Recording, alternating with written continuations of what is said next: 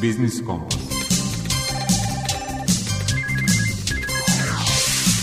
Biznis Kompas.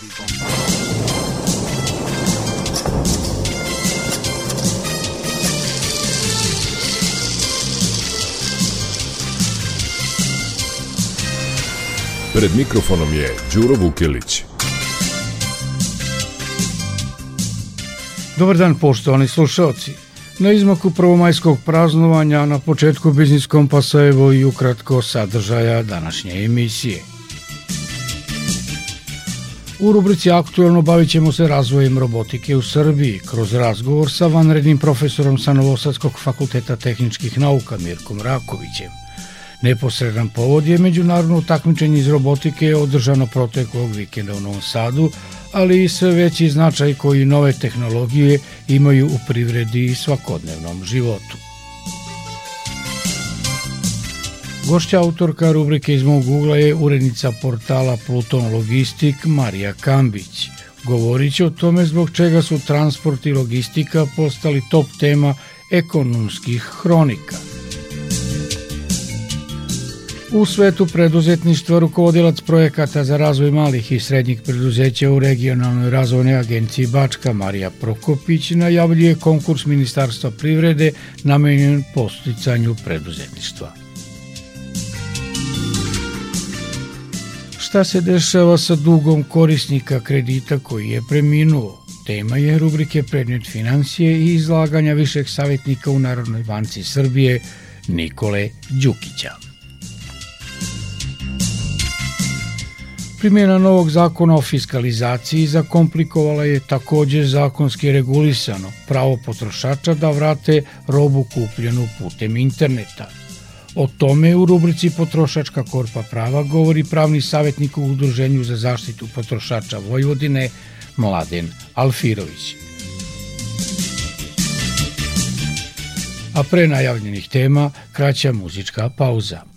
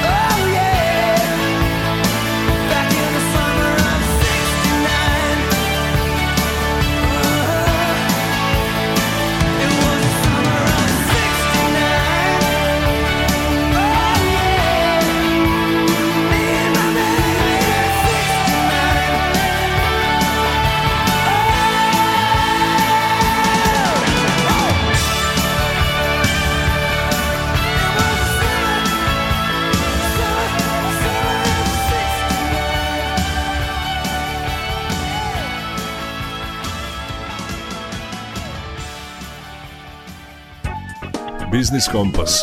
Aktualno. Najavi smo u uvodu katedra za mehatroniku, robotiku i automatizaciju Fakulteta tehničkih nauka u Novom Sadu organizovala je proteklog vikenda 19. nacionalni kup u robotici Eurobot Srbija sa međunarodnim učešćem. Podsjetivši na to da je previše od tri decenije korporacija Lola iz Beograda izvozila robote u Ameriku, vanrednog profesora robotike na FTN-u Mirka Rakovića pitali smo kako robotika u Srbiji izgleda danas. Pa imali smo jako dobre osnove koje su ustanovljene 60. i 70. godina i na institutu Mihajlo Pupin i kao što ste rekli u kompaniji Lola. Period 90. je učinio svoje da se neke e, stvari zaustave ne samo u oblasti robotike nego generalno u, u istraživanjima i industriji na našim prostorima.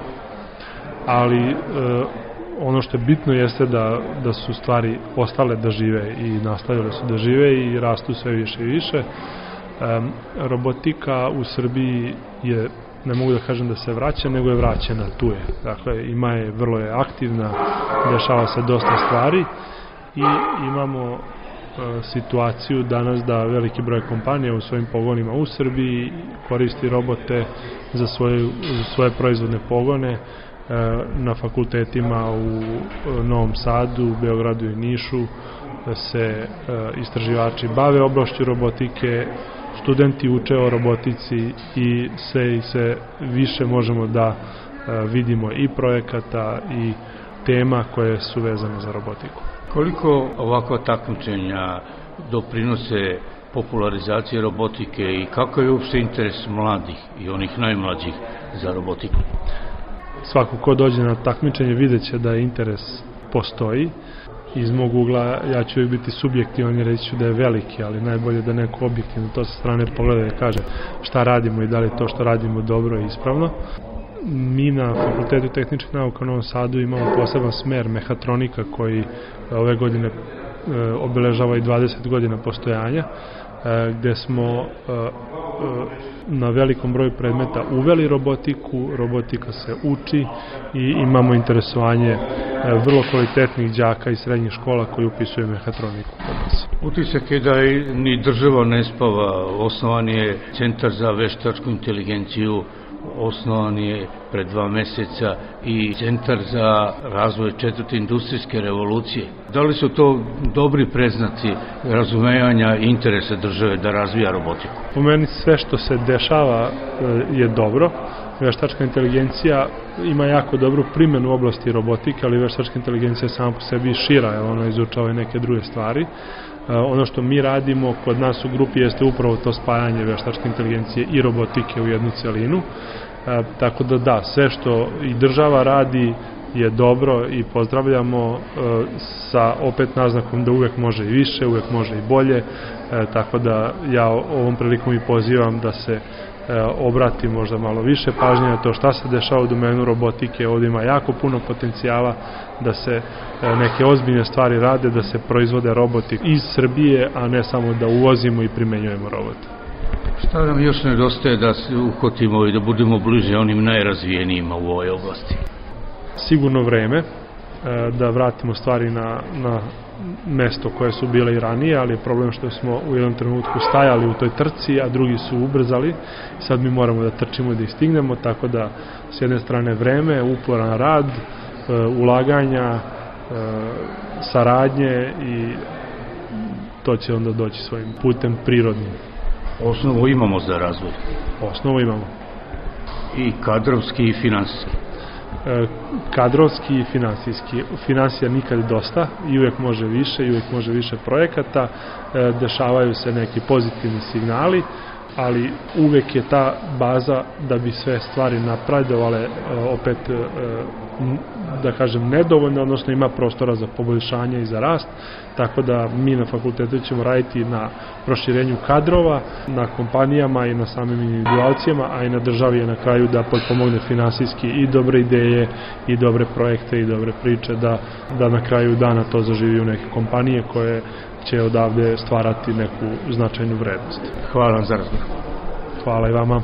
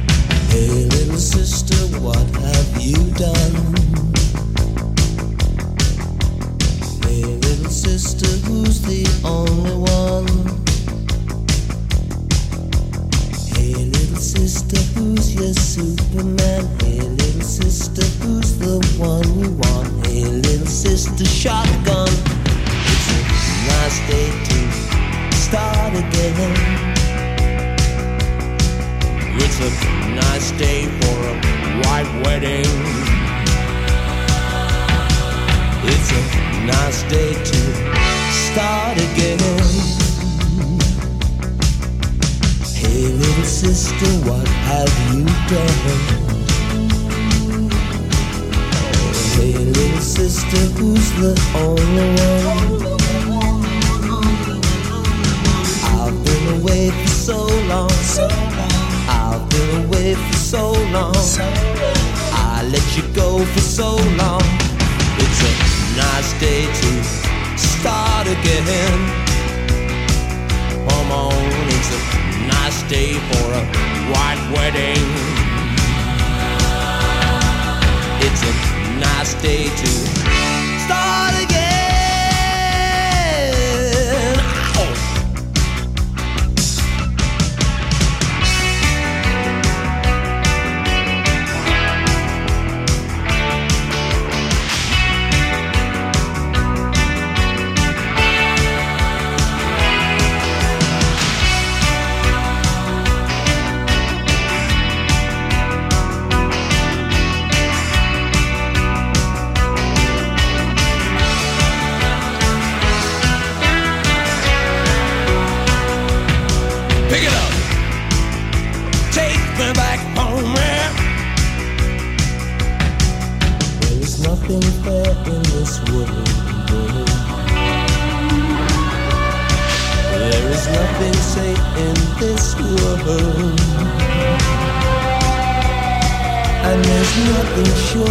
this world. And there's nothing pure in this world. Look for something left in this world. Start again. Come on, it's a nice day for a white wedding. Whoa, what's a nice day to start again?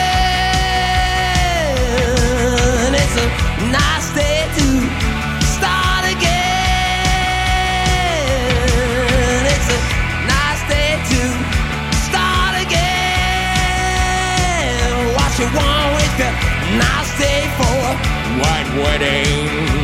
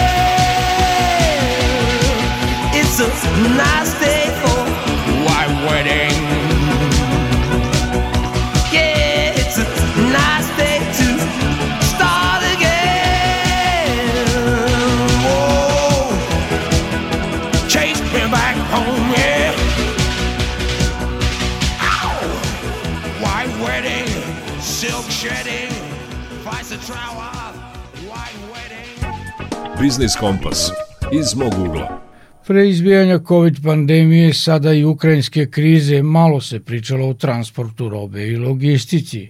Šta se sve promenilo u tom sektoru od sve većeg značaja za globalnu ekonomiju, u rubrici iz mog ugla govori urednica portala Pluton Logistik Marija Kambić.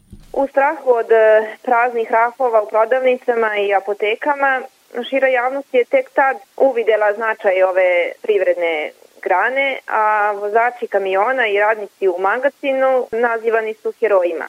Međutim, uz koronavirus, prethodnih godina i druge globalne prilike doprinale su tome da transport bude tema broj 1 u privrednom sektoru. Zbog zatvaranja gradova i luka širom sveta, nedostatka kontejnera, energetske krize, nedostatka radne snage, pa sada i rata u Ukrajini, tranzitno vreme e, za dostavu robe se izuzetno povećalo, a cene transporta su na istorijskom maksimumu. Naravno, sve se to preliva na cene gotovih proizvoda, a evidentna inflacija na živote krajnjih potrošača, tačnije svih nas. Portal Pluton Logistik koji okuplja transportnu logističku zajednicu osnovan je 2013. godine, ali usled svih ovih prilika o kojima sam pričala, tek prethodnih dve, tri godine osim, da kažem, stručne zajednice i privrednika, okupili smo veliki broj i veliku pažnju najšire publike, svih onih koji šalju ili očekuju neku robu. S obzirom na veliku privrednu nestabilnost i neizvesnost, trend rasta broja naših čitalaca će se nastaviti i u buduće, jer te teme o kojima pričamo biće od izuzetnog značaja kako celokupnoj privredi, tako i svakom pojedincu. Do juče nismo razmišljali da li će, da kažem, čak neke igračke, kupaći kostim, bazen za baštu, stići do prolećne ili letnje sezone. Sada o tome razmišljaju i dobavljači i trgovci, a i mi pojedinačno. Sada razmišljamo o tome koliko je veća cena svih tih proizvoda koji su stizali iz e, daleke Kine i koliko je ta Kina sve dalja i dalja. tokom e, godina svih ovih e, na našem portalu mi smo iz sajta izrasli u jednu platformu. I kao takva, kao što sam rekla, što smo okupili profesionalce, razvili smo različite kanale komunikacije tako da možemo da stignemo do svih ciljnih grupa. Tako da možemo da odgovorimo i na pitanja koje interesuju svakog pojedinca. Postali smo relevantan i prvi izvor za sve one koje se bave transportom i koji imaju robu koju treba da prevezu iz tačke A do tačke B. Ono što bih se takođe osvrnula da nije ovih velikih globalnih e, pitanja i prilika, nedostatak kvalitetne radne snage u ovom sektoru bila bi tema broj 1. Kada kažem nedostatak radne snage i u Srbiji, da, tačno i u e, Srbiji, podaci kažu da u našoj zemlji nedostaje čak 12.000 e, profesionalnih vozača i zbog e, boljih uslova za rad, većih plata, a najviše zbog čekanja na granicama, veliki broj profesionalnih vozača traže svoje parče hleba u, u inostranstvu, a tamo ih čekaju raširenih ruku. E, na nivou Evropske unije nedostaje neverovatnih 400.000 profesionalnih vozača, i to nas je motivisalo da pokrenemo dve stvari. Na prvo je to da smo razvili efikasan servis koji spaja one kojima je potreban posao sa onima koji imaju potrebu za novim kadrovima, a drugo je da smo pokrenuli jedan serijal tekstova koji smo nazvali za volanom, u kome afirmišemo zanimanje profesionalnih vozača i predstavljamo njihove životne, životne priče. Izazovi i svakodnevni rad sa kojima se susreću naši vozači biće prikazani u istoimenom podcastu koji uskoro pokrećemo. Istakla bih e, i našu regionalnu pokrivenost. Iako radimo iz Beograda, platformu Putni logistik čitaju u svim zemljama bivše Jugoslavije i poverenje su nam ukazali vodeći svetski brendovi u oblasti kojima se bavimo, poznate svetske i domaće kompanije su nas izabrali za razmenu uh, svojih informacija. Dalje, uh, ono čemu smo posvetili veliku pažnju i što smatramo da je, da je jako važno, su nauka i privreda i saradnja. Samo sa tom saradnjom možemo na neki način umanjiti sve ove probleme o kojima smo pričali. E, zato u kreiranje svog sadržaja uključujemo i naučnu zajednicu i oni svojim e, znanjem, iskustvom, e, informacijama o svojim projektima i novim saznanjima pokušavaju da daju odgovor na sva ova pitanja o kojima sada moramo da razmišljamo. Poslednje dve godine bile su izuzetno turbulentne za svetsku ekonomsku scenu ali tim izazovima nažalost nije došao kraj. Iz mog ugla e, globalna privreda i tokovi robe će se potpuno promeniti u bliže budućnosti, a o značaju transporta i logistike će se tek pričati.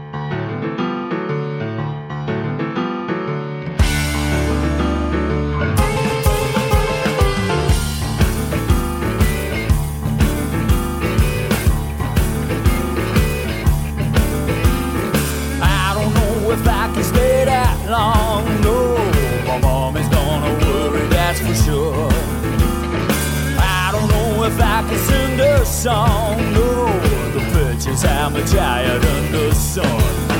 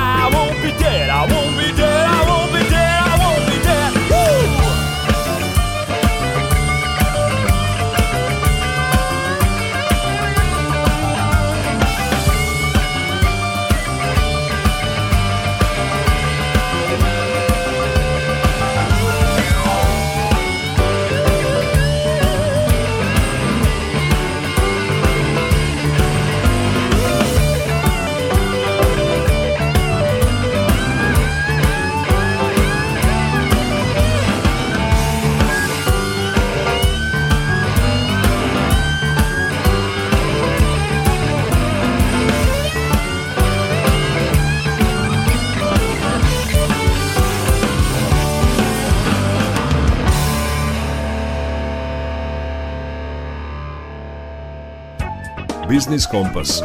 Svet preduzetništva. Ministarstvo privrede je raspisalo poziv za posticanje preduzetništva kroz razvojne projekte. Poziv traje do utroška sredstava. A s uslovima konkursa upoznaće vas rukovodilac projekata za razvoj malih i srednjih preduzeća u regionalnoj razvojnoj agenciji Bačka, Marija Prokopić. Zašto su sredstva namenjena? Za kupovinu, izgradnju, dogradnju, rekonstrukciju, adaptaciju, sanaciju ili investicijono održavanje proizvodnog prostora ili poslovnog prostora. Isto tako za prijene subjekte koji se bave informacionom tehnologijom i visokotehnološkim uslugama sredstva mogu biti upotrebljena za poslovni prostor koji je namenjen za potrebe obavljanja delatnosti. Ovim sredstvima je moguće kupiti novu ili polovnu opremu. Polovna oprema ne sme biti starija od 5 godina. Zatim mogu predmet kupovine biti i alati, kao i dostavna vozila za prevoz sobstvenih proizvoda, kao i druga transportna sredstva koja se koriste u procesu proizvodnje. Zatim moguće je nabavka softvera, računarske opreme, kao i opreme za poboljšanje energetske efikasnosti i ekoloških aspekata sobstvene proizvodnje. I manji deo a, moguće je iskoristiti a, za nabavku trajnih obratnih sredstava. Inače, koliki je to iznos bespovratnih sredstava koje mogu da očekuju? Iznos ne može biti manji od 75.000 dinara za preduzetnike, odnosno 250.000 dinara za pravna lica, a maksimalan iznos bespovratnih sredstava ne može biti veći od 12 miliona i 500.000 dinara. Inače, e, bespovratna sredstva čine 20%, znači od ukupne investicije preduzetnika, odnosno do 30% za privredne subjekte koji pripadaju jedinicama lokalne samouprave koja je razvrstana u četvrtu kategoriju u skladu sa zakonom o regionalnom razvoju.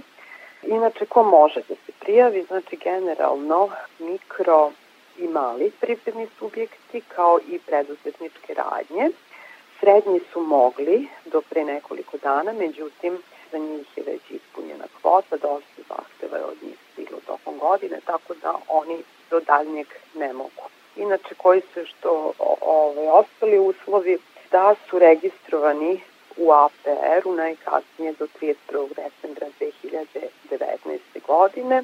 Isto tako da su podneli popunjen zahtev za dodelu bespovratnih sredstava i zahtev za kredit sa potrebnom dokumentacijom po fondu, zatim oni uopšteni uslovi da nad njima nije pokrenut stečajni postupak, da su regulisali dostale obaveze javnih prihoda, da su u većinskom privatnom vlasništvu, da imaju najmanje jednog zaposlenog na neodređeno vreme, da nisu u teškoćama i tako dalje. Što se tiče uslova kredita, rok otplate je do 10 godina, gde je grace period do jedne godine i za preduzetnike rok, znači to je za pravne lice, odnosno preduzeća. Za preduzetnike rok otplate do 8 godina, grace period takođe do jedne godine. Inače, rok otplate kredita ne može biti kraći od dve godine. Znači, faktički prijeni subjekti sami biraju koliki će im biti rok otplate, ali on ne može biti kraći od dve godine od dana zaključenja ugovora. Kamatna stopa je 1% godišnje uz primjenu valutne klauzule. Ukoliko sredstvo obezbeđenja bude garancija banke, za ostala sredstva obezbeđenja kamatna stopa će biti 2%. Znači, gde se može detaljnije videti koja je to sve neophodna dokumentacija koju treba priložiti kao i svi obrazci i ostale napovene konkretno vezano za obezbeđenje mogu se videti na sajtu Fonda za razvoj Srbije kao i na sajtu Regionalne razvojne agencije Bačka.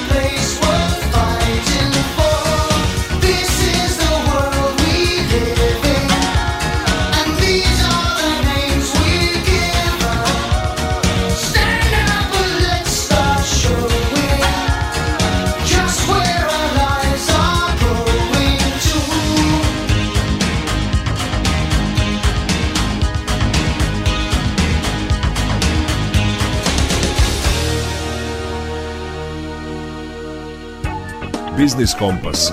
Predmet financije. Nasleđivanje duga po kreditu tema je današnje rubrike Predmet financije. Niz korisnih savjeta naslednicima u slučaju smrti korisnika kredita da će viši savjetnik za regulativu i kontrolu primjene propisa u oblasti zaštite korisnika financijskih usluga u Narodnoj banci Nikola Đukić.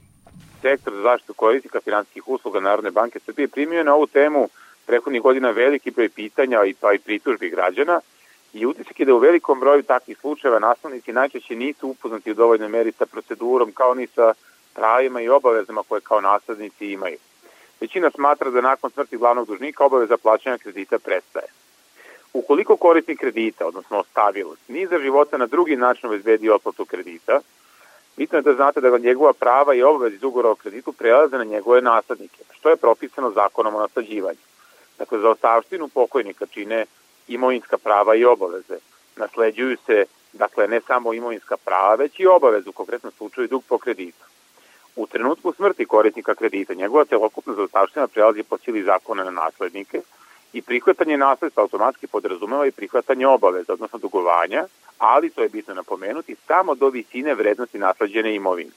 Ako ima više naslednika, oni solidarno odgovaraju za nasleđene dugove, bez obzira na to da li je izvršena deoba nasledstva.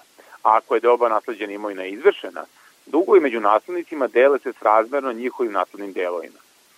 Sama činjenica da govorimo o nasleđivanju duga po kreditu znači da glavni dužnik prilikom zaključenja ugovora o kreditu sa bankom nije obezbedio otplatu, e, na primjer, policom životnog osiguranja ili nekom drugom vrstom osiguranja koja između ostalog može da pokrije smrtni slučaj. Ti finansijski proizvodi služe kao sredstvo obezbeđenja korisniku i njegovim naslednicima u slučaju nastupanja neželjenog događaja. Međutim, kod nasleđivanja obaveza po osnovu stambenog kredita koji je obezbeđen hipotekom, banka ima na raspolaganju sredstvo obezbeđenja, to je samo založno pravo na nepokretnost. I u slučaju da nakon smrti lica korisnika kredita njegovi naslednici ne otplaćuju uredno i u potpunosti dug po kreditu, banka ima pravo da naplatu potraživanja po kreditu ostvari prodajom založene nepokretnosti. Zbog toga Narodna banka Srbije savjetuje građane koji su naslednici nepokretnosti pod hipotekom da nastave sa izmirenjem redovnih obaveza po kreditu kako ne bi došli u situaciju da banka celokupno dugovanje proglasi dospelim i proda založenu nepokretnost. U svakom slučaju, kada nastupi smrtni slučaj korisnika kredita, potrebno je što pre obavestiti banku o događaju radi dogovora o vezi sa daljom otplatom. Ako dospelo dugovanje po kreditu ne bude izmireno, banka ima pravo da na dospeli dug obračuna zateznu kamatnu stopu, što naslednike kredita može da izloži dodatnom trošku. Ako do toga ne bi došlo, naslednik ili naslednici imovine korisnika treba da kontaktiraju banku i dogovore dalju otplatu, mogu da potpišu ugovor o pristupanju dugu, a nakon preuzimanja tih obaveza, korisnici mogu da izvršu i prevremenu otplatu kredita ili da uz dogovor sa bankom nastave sa redovnim izmirenjem dospelih obaveza do predviđenog roka otplate. Naravno, o ovome govorimo pod uslovom dakle, da su naslednici nasledili nešto. Dakle, ako je nasleđena imovina, to dospeli dug po kreditu i oni koji još uvek nije dostao se nasleđuje samo u visini te imovine koja je zapravo nasleđena od korisnika kredita.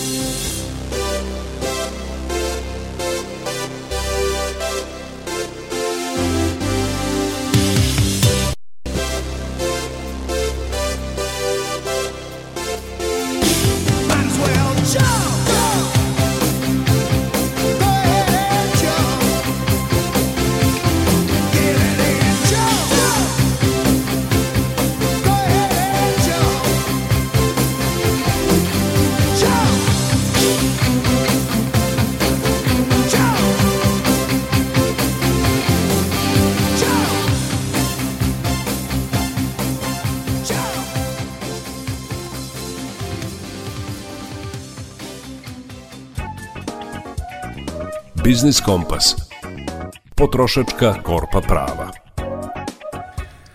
Primjena novog zakona o fiskalizaciji zakomplikovala je takođe zakonski regulisano pravo potrošače da vrate robu kupljenu putem interneta.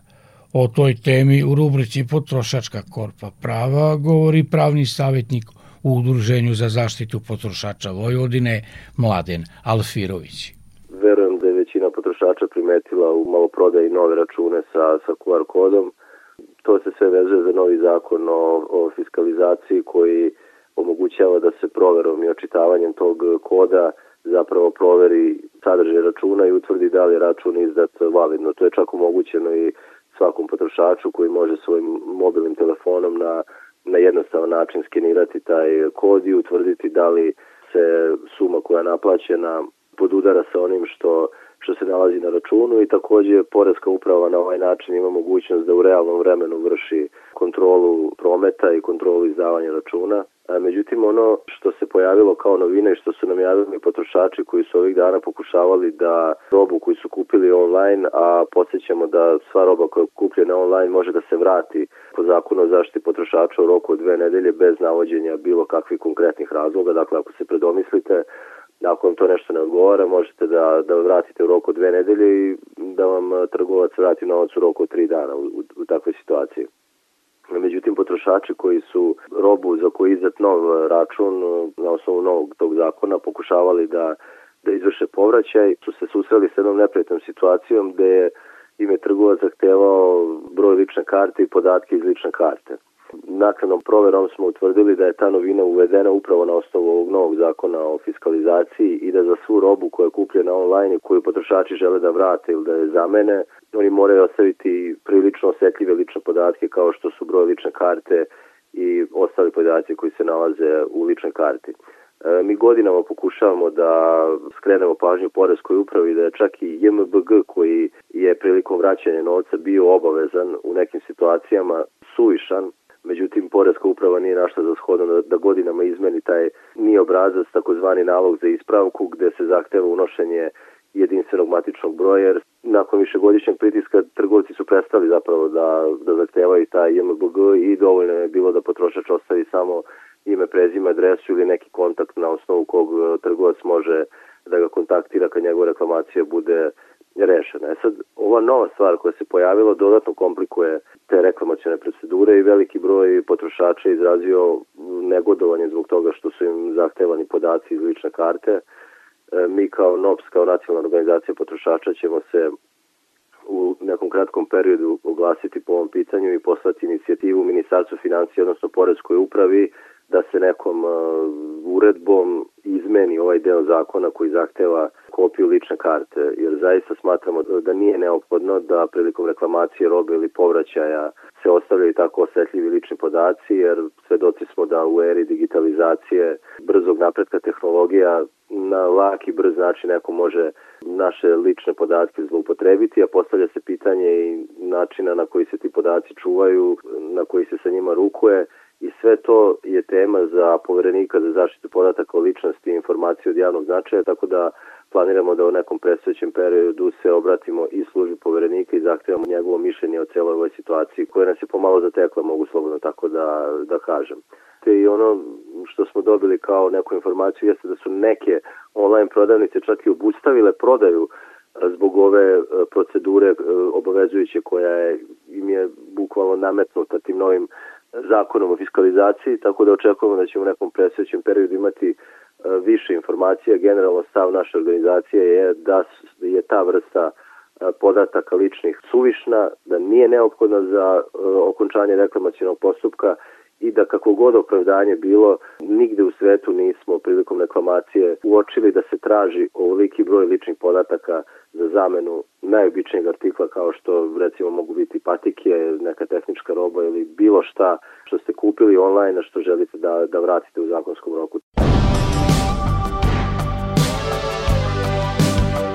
Na kraju Biznis Kompasa i prvomajskog praznovanja pozdrav od ekipe koja je realizovala emisiju, a čine je muzički urednik Zoran Gajinov, ton majstor Sabina Nedić i urednik emisije Đuro Vukelić. Slušajte nas i odloženo na internet stranici Radio Televizije Vojvodine, podcastu Odloženo slušanje. Zdravi bili i čuvajte se.